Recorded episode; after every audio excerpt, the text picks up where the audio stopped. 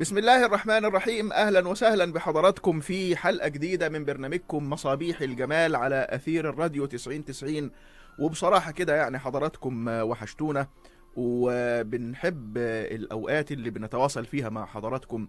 إلى كل إنسان مصري كريم في طول البلاد وعرضها على هذه الأرض الأبية الحرة الكريمة العزيزة الغالية على قلوبنا.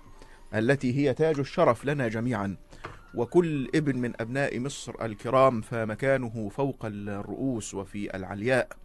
لحضراتكم مني كل الاحترام والتقدير وخالص التهاني بقرب أيام شهر رمضان المعظم الذي لم تعد تفصلنا عنه إلا عشرة أيام تقريبا. وقد لاحت أنواره في في الأفق. وهنرجع تاني نسمع صوت ال ال القارئ الكبير الشيخ محمد رفعت قبل أذان المغرب بيسير. ونرجع تاني نشوف الفوانيس ونشوف الكنافة والقطايف ونشوف الفرحة في قلوب وعيون الناس. بالمناسبة من من كام يوم آه تم اكتشاف 30 ساعة جديدة من التلاوات النادرة للأستاذ الكبير الشيخ محمد رفعت والبعض بيقول لا دي 60 ساعة. والهواة الذين يجمعون التلاوات النادرة لما وجدوا الاسطوانات دي توجهوا بها إلى أسرة الأستاذ الشيخ الكبير إهداء لهم وإن شاء الله بيتم ترتيبها علشان تبدأ تبث وتذاع فده شيء صار لكل هواة وعشاق القارئ الكبير الشيخ محمد رفعت خصوصا وإحنا على مشارف شهر رمضان المعظم يعني 30 ساعة من التلاوات النادرة. لو لو القنوات كلها تضافرت على إنه يتم بث ساعة يوميا يبقى كده غطت لينا شهر رمضان بتلاوات جديدة لم تسمع من قبل. لهذا القارئ الأعجوبة الذي هو قيثارة السماء بحق كما كان يطلق عليه. كان الشيخ محمد رفعت ينبوعا من القرآن قد تفجر في أرض مصر. فملأ الآذان بالجمال وإحنا بنتكلم أهو في مصابيح الجمال. فالشيخ محمد رفعت في نظري من أعظم مصابيح الجمال على الإطلاق. وفقه الله تعالى لطبقة نادرة وخامة نادرة من الصوت والأداء والروح وال والصدق في في التلاوة. بما لمس القلوب ولمس شغاف القلوب من ملايين المصريين والمسلمين في أنحاء الأرض كلها. طبعا أجدد التهاني لحضراتكم بأيام شهر رمضان المعظم. خلاص على بعد خطوات منا. وأدعو الله تعالى أن يملأ القلوب قبل شهر رمضان وأثناءه وبعده باليقين والإيمان والروحانية والسمو والخلق الكريم والهمم الشريفة والعبادة والطاعة والإقبال على الله وصلة الرحم والإنسانية الكاملة واللسان الطهور والسلوك الراقي وربنا يجملنا وإياكم ظاهرا وباطنا ويجعل شأننا وشأنكم كله جمال وأنس ونزاهة وعلو وطهر. إحنا النهاردة عايزين نتكلم بحاجة ليست بعيدة عن المعاني اللي إحنا بنقولها دلوقتي. إحنا كنا تناولنا الجمال من جهات متعددة ودخلنا إلى الجمال من أبواب متفرقة. وتناولنا قضية الجمال من أبعاد مختلفة من هنا ومن هنا وما زال المحور الرئيسي الذي ندور في فلكه والذي نحلق في فلكه هو الحديث الشريف. إن الله جميل يحب الجمال. وقلت لحضراتكم مرارا في الحلقات اللي فاتت أنا بعتبر هذا الحديث أحد القيم المركزية العليا الصانعة لشخصية وعقلية الإنسان المسلم عبر التاريخ. تناولنا الجمال في المطعم وفي الملبس وتناولنا الجمال في الفكر وفي حركة العقل. تناولنا الجمال في السماء التي زينها الله تعالى بزينة الكواكب. تناولنا الجمال في المواطن الأربعة التي يكثر فيها النزاع والشجار بين الناس وتبرز فيها شراسة النفوس وقبح النفوس. فأوصى, فأوصى الله فيها على وجه الخصوص بالجمال. الصبر الجميل والصفح الجميل والهجر الجميل والسراح الجميل والسراح والطلاق. تناولنا الجمال من زوايا متعددة لحد ما بدأنا نوصل النهاردة. أهو وده من عجائب ترتيب ربنا إن إحنا نوصل النهاردة إلى التجمل والجمال في الإقبال على الله عند التعبد وإنه دي تكون في الجمع الأخ... الحلقات الأخيرة التي هي قبل رمضان مباشرة. فيبقى في وجه مناسبة لما مشينا كده مع الحلقات وسبنا نفسنا ليها. لقينا نفسنا وصلنا إلى هذا المعنى قبيل رمضان. طبعا إحنا النهارده ال ال يوم الجمعة الجمعة القادمة هتكون هي الجمعة الأخيرة قبل شهر رمضان وفي شهر رمضان لنا برنامج خاص يكون مع حضراتكم يوميا هنا أيضا على أثير راديو 90 90 ونترك الإعلان عنه وعن بعض تفاصيله للجمعة القادمة. فدي تعد الجمعة الأخيرة في برنامج مصابيح الجمال في هذا الموسم قبل شهر رمضان المعظم. الحلقة القادمة برضو من مصابيح الجمال هتبقى الجسر الأخير اللي نعبر من خلاله إلى شهر رمضان.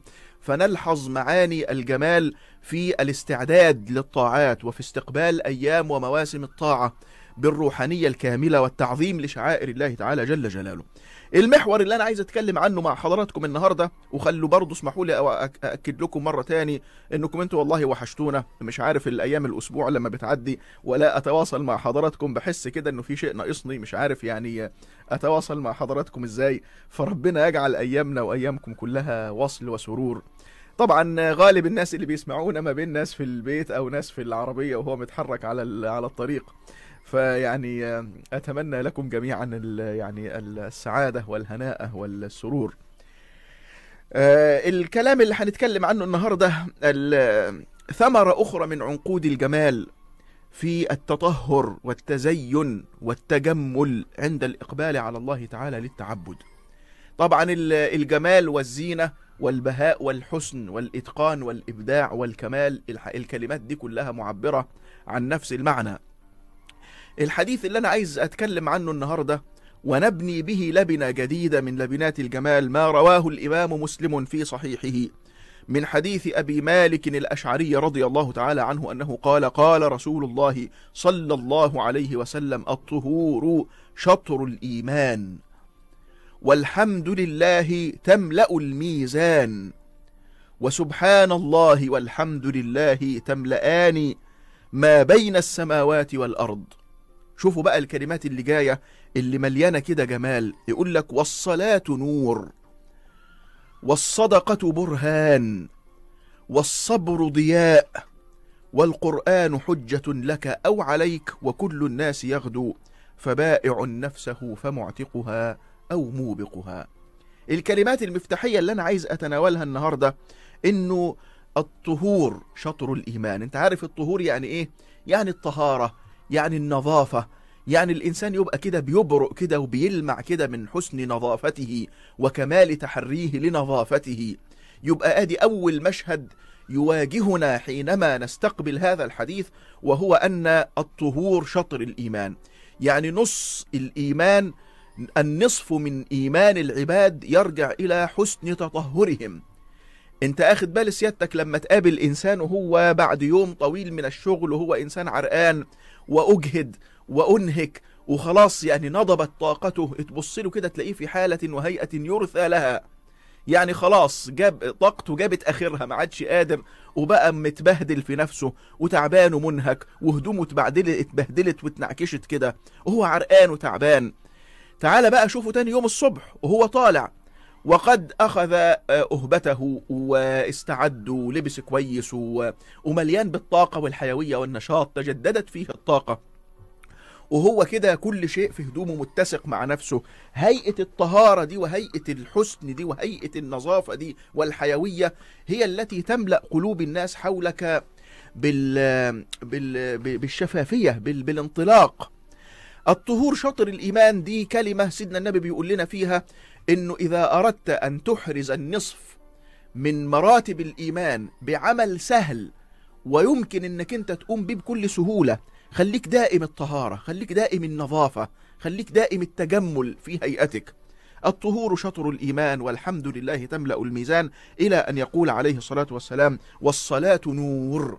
يا سلام لما الإنسان يتحرى الصلوات بحب وبإقبال.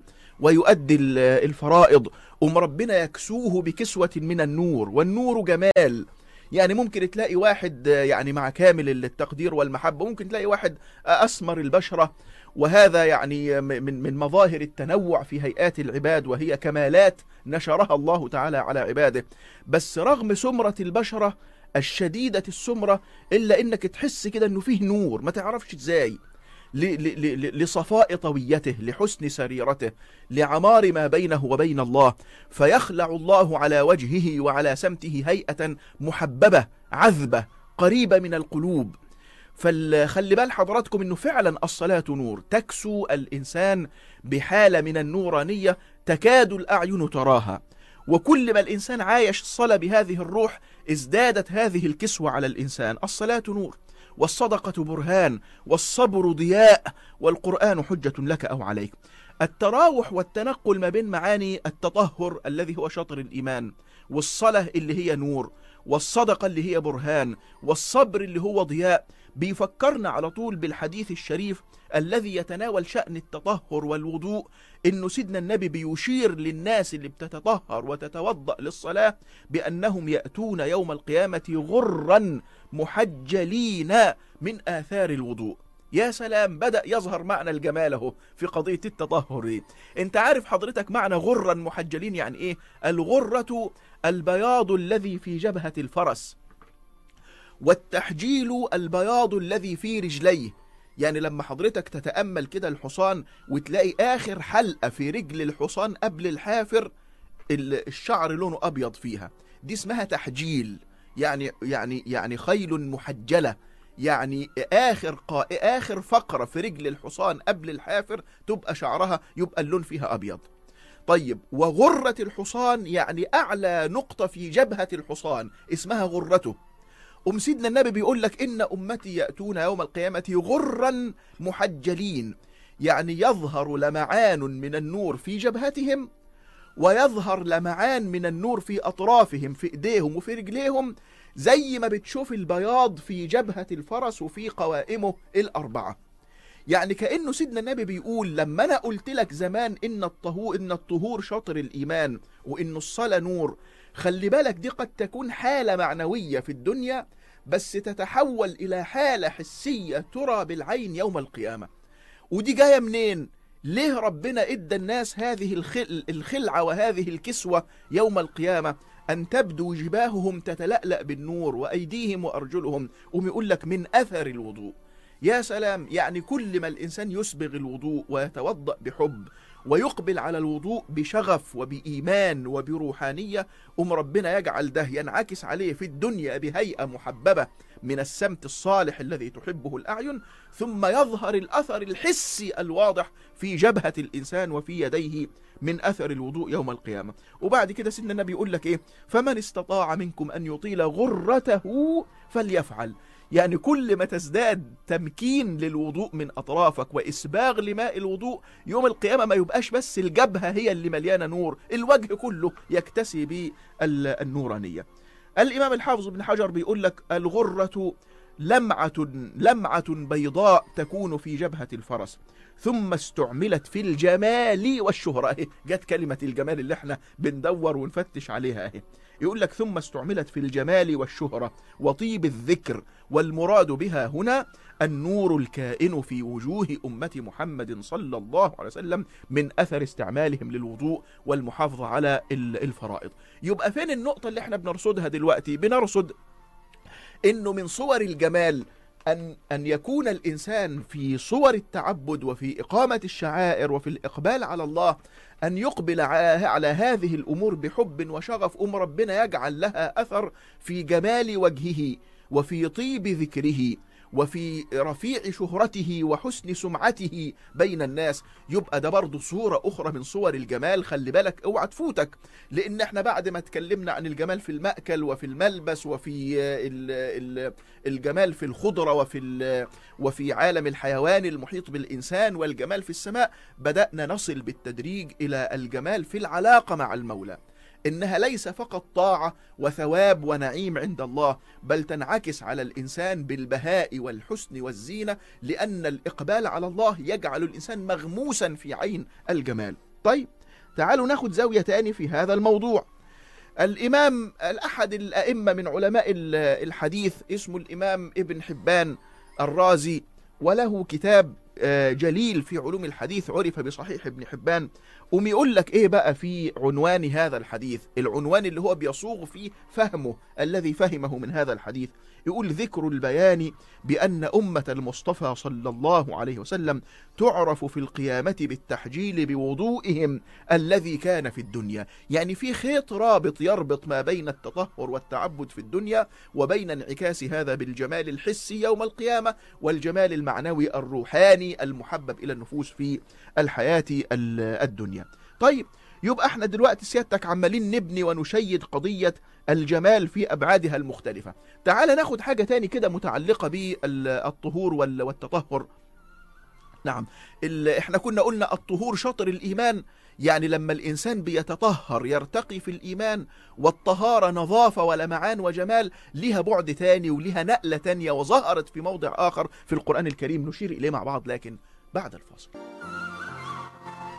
أهلا وسهلا ورجعنا لحضراتكم مرة تاني آه، في آه، الخيط اللي إحنا ما زلنا مستمرين معاه وبنتتبعه من رصد ملمح جديد من ملامح الجمال في التعبد وفي الطاعة وفي إقامة الشعائر. وإنه بعد ما الشرع الشريف أحاط الإنسان بالجمال من كل جهة وجعله يعني كالسمكة في الماء يحيط بها الجمال من كل النواحي بدأ ينتقل به إلى أن يستمر ويستصحب معه قضية الجمال في سيره إلى الله وفي علاقته بالمولى.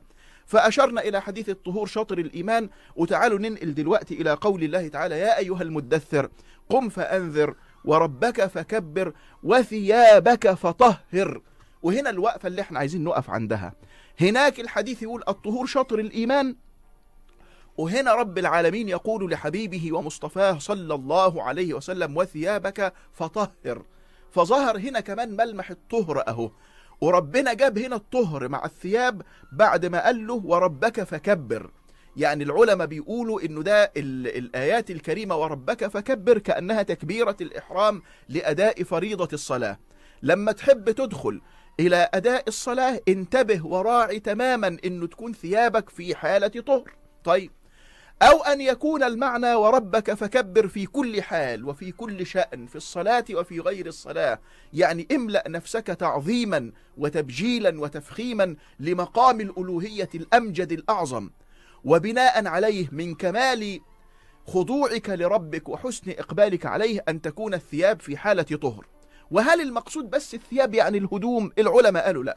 وثيابك فطهر تشمل الثياب الظاهرة اللي. اللي الإنسان يطهرها بالغسل والوضوء وال... وما أشبه ثم تنتقل إلى تطهير النفس من معاني الحقد والشحناء والمطامع والأهواء والتعدي وسوء الظنون بالناس يبقى وثيابك فطهر يعني تطهر ظاهرا وباطنا تطهر ظاهرا إنك تبقى دائما على حال وضوء وعلى حال نظافة وتطهر باطنا. يعني إياك أن يكون قلبك ممتلئا بالقبح الذي يتمثل في الكراهية والشحناء والبغضاء. واجعل باطنك طاهرا متجملا متزينا لأن الله ينظر إلى قلوبكم ولا ينظر إلى صوركم ولا إلى أجسادكم.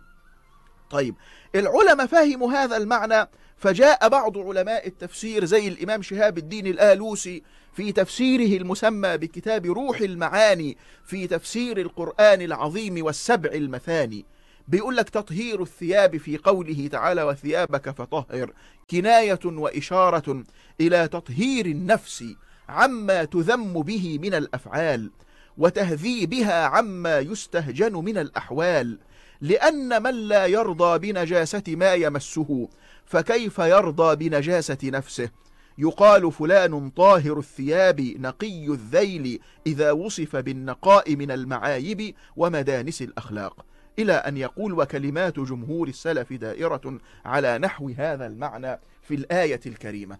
لما إحنا بنيجي أحيانا نعبر عن إنسان أنه حسن السمعة بنقول يعني فلان طاهر الذيل يعني طاهر الثياب يعني سمعته نظيفة يعني طويته صالحة يعني صيته بين الناس حسن.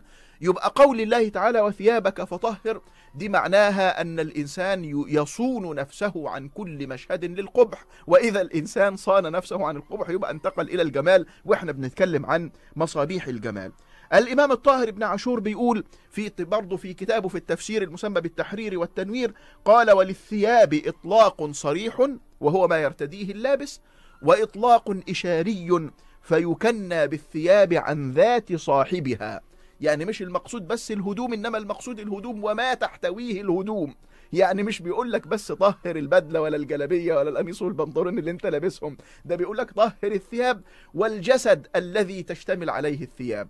والنفس التي يشتمل عليها الجسد والروح التي تشتمل عليها النفس. يعني خلي الطهر والجمال درجات من وراء درجات. طيب تعالوا نشوف معنى تاني من أثر التطهر والتزين والتجمل في الإقبال على الله وعند إقامة العبادات. قال الله تعالى في حق سيدنا موسى فلما أتاها نودي يا موسى إني أنا ربك فاخلع عليك. أهو التطهر أهو. إنك بالوادي المقدس طوى.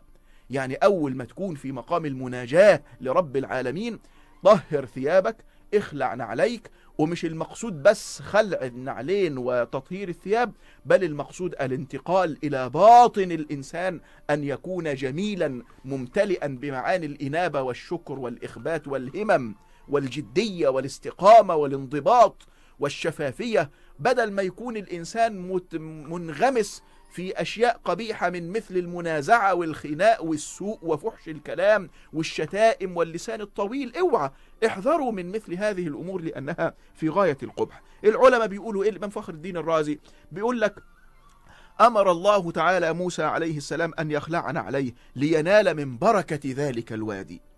وبعد كده يرجع يقول لك في معنى تاني برضه إنما أمر بخلع النعلين لينال قدمه لينال من لتنال قدماه من بركة الوادي وهذا قول سيدنا الحسن البصري وسعيد بن جبير. وقول آخر أن يحمل ذلك على تعظيم البقعة التي يناجي الله فيها فلا يطأها إلا حافيا ليكون معظما لها وخاضعا عند سماع كلام ربه. والدليل عليه أنه تعالى قال بعدها إنك بالوادي المقدس طوى. يعني يفسر ويعلل سبب خلع النعلين هو تعظيم البقعة التي هي بقعة التجلي من الله جل جلاله. يبقى إذا حتى بعض العلماء بدأوا يسلكوا في فهم هذه الآية اخلع نعليك إنك بالوادي المقدس طوى.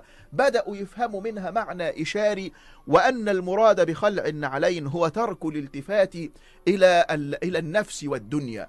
كأن الدنيا نعل من النعال وكأن النفس نعل من النعال يبقى بيقول لك اخلع نعليك. والشيخ القسي عمل كتاب سماه خلع النعلين. كله في الآداب وفي, وفي الأخلاق وفي التزكية وفي التصوف. كأن الله تعالى يأمر الإنسان أن يستغرق قلبه بالكلية في معرفة الله. وألا يلتفت خاطره إلى ما سوى الله. وأن المراد بالوادي المقدس قدس جلال الله تعالى وطهارة عزته يعني أنك إذا وصلت إلى بحر المعرفة فلا تلتفت إلى المخلوقات. اخلع الأكوان عن باطنك. استغرق في سيرك إلى الله. انشغل بالمولى يسخر لك كل شيء من الأكوان. نعم. إذا سادة الكرام السادة المستمعين التطهر والتجمل والتزين عند الإقبال على الله من أعظم أبواب الجمال الظاهر والباطن وله أثر عظيم في تزكية النفس واستنارة العقل وامتلاء النفس بالنور والفهم عن الله فتصير هذه النفس نفس زاكية. تعالوا ناخد نقلة تانية ومعنى تاني من التزين والتجمل والتطهر في الإقبال على الله. يقول الله تعالى في بيوت أذن الله أن ترفع. المساجد المساجد اللي هي أماكن التعبد زي بقعة التجلي التي تجلى الله فيها على موسى. زي ما بيقول في الحديث الطهور شطر الإيمان فبيقول والصلاة نور. يبقى التطهر للصلاة والصلاة.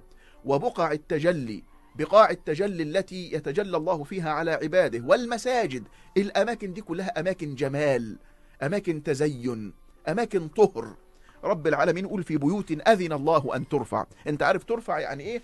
يعني تكون في مكان رفيع يصان عن كل قبيح يبقى هي بيوت للجمال تصب الجمال في نفوس العباد فيرجعون بالجمال إلى بيوتهم قال تعالى في بيوت أذن الله أن ترفع ويذكر فيها اسمه يسبح له فيها بالغدو والآصال. شوف إزاي كان أثر هذه البيوت المعمورة المساجد في صناعة رجال مسلكهم كله جمال. صار هؤلاء الرجال مصابيح للجمال حيثما تحركوا. قال سبحانه يسبح له فيها بالغدو والآصال رجال. لا تلهيهم تجارة ولا بيع عن ذكر الله وإقام الصلاة وإيتاء الزكاة. يخافون يوما تتقلب فيه القلوب والأبصار. تعال ناخذ الآية التي تجمع لنا كل هذه الأطراف والمعاني. يقول الله تعالى يا بني آدم خذوا زينتكم عند كل مسجد. أهي واضحة صريحة أهي. خذوا زينتكم يعني التجمل لأن إحنا قلنا الزينة والجمال بمعنى واحد. يعني ربنا بيقول لك إذا أردت الدخول إلى المسجد تجمل. فطهر ثيابك وطهر نفسك وكن على حال رفيع. ليس فيه شيء من الظلمانية ولا من القبح. يبقى إذا يا بني آدم خذوا زينتكم عند كل مسجد وكلوا واشربوا ولا تسرفوا إنه لا يحب ال- ال- المسرفين. آه نكمل الكلام مع حضراتكم لكن بعد الفاصل. أهلا وسهلا بحضراتكم. بدأنا نلمس ال- الصورة الكاملة للمعنى اللي إحنا كنا عايزين نرسمه مع حضراتكم النهارده. الطهور شطر الإيمان يعني الإنسان كل ما يحافظ على الطهارة والنظافة والوضوء والغسل وما أشبه يبقى أحرز نصف الإيمان. نمرة اتنين الصلاة نور. نمرة ثلاثة الطهور والوضوء يجعل الإنسان يوم القيامة تمتلئ جبهته ويداه ورجلاه بالنور. نمرة اللي بعد كده إنه عند الإقبال على الله تعالى والقيام بالتعبد يبقى وثيابك فطهر. وليس التطهير فقط تطهير الثياب بل تطهير النفس من كل معنى قبيح يجعل الإنسان عدواني أو متسلط على الناس. ثم بعد ذلك أمر الله موسى عليه السلام بخلع النعلين عند الوقوف في الوادي المقدس. زي ما ربنا جعل المساجد هي البيوت التي ترفع ويصنع فيها الرجال أصحاب المسلك الجميل بين الناس. يبقى بدأت تترسم ملامح الجمال عندنا أهي. إلى أن وصلنا إلى الآية الصريحة اللي بتربط الجمال بالمساجد في قول الله تعالى يا بني آدم خذوا زينتكم عند كل مسجد. يعني أول ما تيجي تدخل المسجد تجمل. ارتدي الثياب اللائقة. تأهل في باطنك إلى أنك مقبل على مكان قدسي على مكان رفيع. املأ نفسك تاهبا واستعدادا علشان تتلقى من هذا المسجد شيئا من النورانية ت- تسلك به مسلك الجمال بين الناس. طيب تعالوا نشوفوا مشهد تاني كده سيدنا النبي بيشير فيه إلى أن المساجد تملأ مسلك الناس جمالا. قال عليه الصلاة والسلام من كان أكل ثوما أو بصلا فليعتزل مسجدنا. الله. ده الإنسان لما بياكل حتة بصل كده ولا فحل بصل ولا ياكل حاجة فيها توم ال- بيبقى رائحة نفس الإنسان ليست على مستوى يعني ليست لطيفة. وممكن تؤذي الإنسان اللي بيصلي جنبه. له الحق إنه ياكل ده بس قبل المسجد بفترة أو بعد ما يخرج من المسجد. يعني لا نمنع إنسان يريد أن يتمتع بهذه المأكولات. بس سيدنا النبي يقول خلي عندك رها رهافة من الشعور.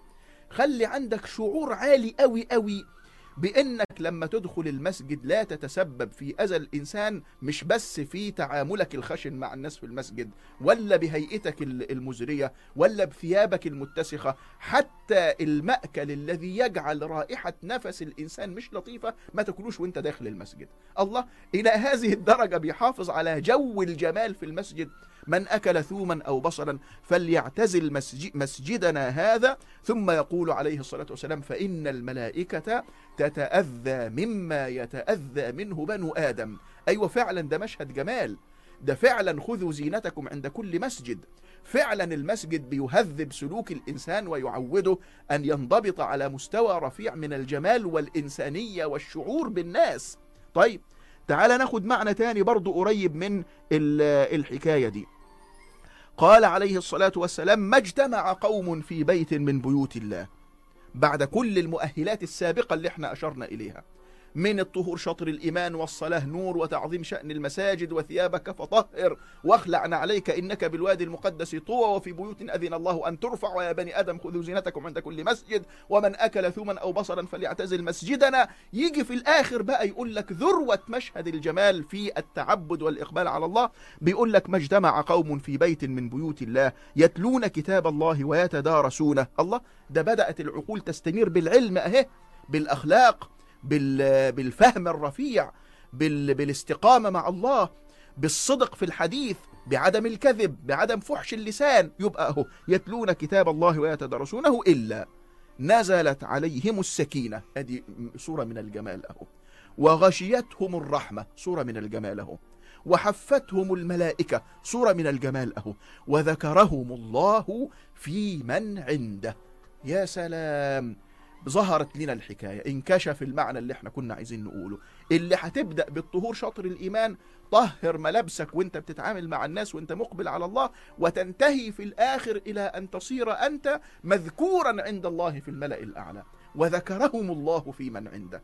وإذا الإنسان كان مذكورا عند الله يعني يطلق الله ألسنة الملأ الأعلى بمحبته. اتفكرنا بحديث جبريل إن الله إذا أحب عبدا نادى جبريل يا جبريل إني أحب فلانا فأحبه. فينادي جبريل في أهل السماء إن الله أحب فلانا فيحبوه ثم يوضع له القبول في الأرض. يبقى الجمال. يبقى إحنا بنرسم وبنبني مع بعض مبنى الجمال. اللي يوصل في النهاية خالص إلى أن يذكرك الله في من عنده ويخلع الله عليك خلعة المحبة فيحبك أهل السماء ويحبك أهل الأرض. زي ما ربنا قال في حق سيدنا موسى وألقيت عليك محبة مني ولتصنع على عيني فأحبه كل الناس حتى فرعون الذي يعاديه. فيسخر الله له كل الناس بأن يملأ قلوبهم محبة له فلا يؤذيه أحد ولا يعتدي على حرمته أحد ولا يناله أحد بسوء لأن القلوب قد جبلت على على محبته. إذا سادتي الكرام وإحنا عمالين نبني مبنى الجمال عمالين ننتقل بحضراتكم من باقة إلى باقة ومن جزئية إلى جزئية ومن زاوية إلى زاوية وعمالين نبني كده مبنى مع بعض. طوال الأسابيع اللي فاتت منذ أن بدأنا هذا البرنامج مصابيح الجمال. المعنى الكلي اللي إحنا عايزين نأكد عليه النهاردة خلي بالك من أعظم حلقات الجمال في حياة الإنسان. إنه بعد ما يتجمل في المأكل والمشرب والملبس والسلوك والتعامل والخضرة والحيوان والماء والسماء والكواكب والنجوم خلي بال سيادتك إنه ده كله بيثمر ثمرة نهائية وهي أن تجعل الإنسان في إقباله على الله عارفا بالله وليا لله كامل المعرفة بالله مؤيدا بالله منصورا بالله. وينعكس هذا على تعامله مع الخلق اللي هيبقى تعامل في منتهى اللطف والجمال. إذ كلما عظمت معرفة الإنسان بربه ازداد هذا الإنسان إنسانية وعطاء للخلق. سيدنا محمد عليه الصلاة والسلام سيد الخلق معرفة بالله أكمل المخلوقات معرفة بالله. فانعكس هذا على إنه كلا والله لا يخزيك الله أبدا. إنك لتصل الرحم وتحمل الكل وتكسب المعدوم وتقري الضيف وتعين على نوائب الدهر يعني إنسانية كاملة. يعني جمال في جمال وإحسان في إحسان ولطف في لطف. طبعا ده مش منفصل عن الموسم اللي جاي إحنا جايين على رمضان خلاص. إحنا بنمهد بكل هذا الكلام إنه يا جماعة اللي إحنا توارثناه كمصريين من العناية بتفطير الصائم وتلاقي شباب في غاية اللياقة والأناقة وفي غاية من الحسن وفي مشهد نبيل ورفيع تلاقيهم واقفين على الطرقات في وقت في وقت رمضان في مختلف الشوارع من شارع التسعين في التجمع إلى الطرقات اللي بتربط ما بين المدن خارج المدن إلى الشوارع اللي في داخل المدن عندنا في مختلف أحيائنا في في في بلادنا. يا جماعة المشهد الرفيع اللي إحنا بنشوفه من إنه ناس تقف في رمضان وتوقف العربية بالعافية ويقول له خد ويقدم له المشروب ويقدم له شيء من التمور ويقدم له شيء من ال من ال من الحلويات علشان يفطر إنسان صائم بالله عليكم حافظوا على المعنى ده وزودوه وكتروا منه. المعاني اللي بتحصل في شهر رمضان من إن إحنا بنتتبع الناس الفقراء ونبعت لهم كراتين الأكل على البيوت واظبوا على الحكاية دي وحافظوا عليها. اللي إحنا بنعمله في شهر رمضان إنه اللي يبقى مخاصم واحد من قرايبه ولا من أصدقائه فيقول لك دي أيام رمضان أيام مفترجه ودخلت علينا وبرضه ما نسيبش بينا كده خصومة في رمضان فأروح أطيب خاطره وأنا أبادره بالصلح رغم إنه اللي غلطان في حقي ده معنى رفيع قوي من الجمال يا جماعة. حافظوا عليه. ونموه وكتروا منه. ووالله لا يزيدكم إلا رفعة. وما يبقاش بس في رمضان كمان وسعوا. خليه في رمضان وفيما بعد رمضان إذا أحيانا الله وإياكم. يبقى إذا نعم مشهد الجمال يتسع به الإنسان للكون كله وتأتي روحانية رمضان لتزيد هذا المشهد عمق في النفوس. اللي إحنا كنا بنشوفه منه من إنه الأطفال في الحواري والشوارع والمدن والقرى والنجوع يجي رمضان يروحوا يبدأوا يعملوا الزينة. إحنا كنا في القرية زمان بنعملها بإيه؟ ما كناش بنعرف نجيب الزينة المشهورة من الخيامية ونعلق الزينات المعروفة لرمضان. كنا بنجيب الورق وبنلزقه بحاجة من العجين بتاع الأكل ونعمل منه كده أطواق تملأ الشوارع. تدخل أي شارع في القرية تلاقيه من أوله لآخره. كل ما بين البيوت في الدور الأول بقى موصول خطوط متعرجة من هذه الزينات اللي تجعل كل شوارع القرية ممتلئة بالورق الأبيض المعمول بهيئة كرانيش كده تزين شوارع القرية ويطلعوا الأطفال والشباب في البيوت ويمدوا الخيط اللي محمل بهذا الورق. يجعل المشهد فيه بهجة فيه جمال فيه سرور. يعني أعيدوا بعث هذه المعاني. املأوا قلوبكم بهذه المعاني. عظموا هذه المعاني في نفوس الأجيال الجديدة. خلي رمضان يقترن في نفوس الناس بالرحمة وبالإنسانية وبالجمال وبالأنس وبصوت الشيخ محمد رفعت وبتلاوة الشيخ محمد صديق المنشاوي وبابتهالات الشيخ نصر الدين طبار وابتهالات الشيخ سيد النقشبندي. اذكروا ربنا كتير في أيام شهر رمضان. صلوا طبعا علشان الإجراءات الاحترازية في كورونا. يبقى اللجنة المشكلة من ال- الوزراء ورئيس ال- الوزراء مع مراعاة الضوابط الصحية تبين إنه يبقى فتح المساجد بصورة محدودة. الحمد لله مش زي رمضان اللي فات. إحنا رمضان اللي فات تألمنا جميعا وحزنا. إنه يجي شهر رمضان ونبقى مش عارفين نفتح المساجد ون- وندخل ونصلي ونتهجد ونقيم الليل. حرمنا من هذا من هذا النور في شهر رمضان. وكم تألمنا وحزنا لهذا. بس أهو فيها الهون الحمد لله ال- الموجة بتنكسر رمضان ده مش هتغلق المساجد بس في ضوابط معينة. إنه يبقى نص ساعة من ساعة صلاة العشاء إلى حين إغلاق المسجد. نصلي فيها العشاء ونصلي فيها التراويح ثم نغلق المسجد. نحافظ يا جماعة على التباعد. نحافظ على الكمامة نحافظ على التباعد علشان يبقى فيه آه، حفاظ على الأرواح ويحافظ بعضنا على بعض.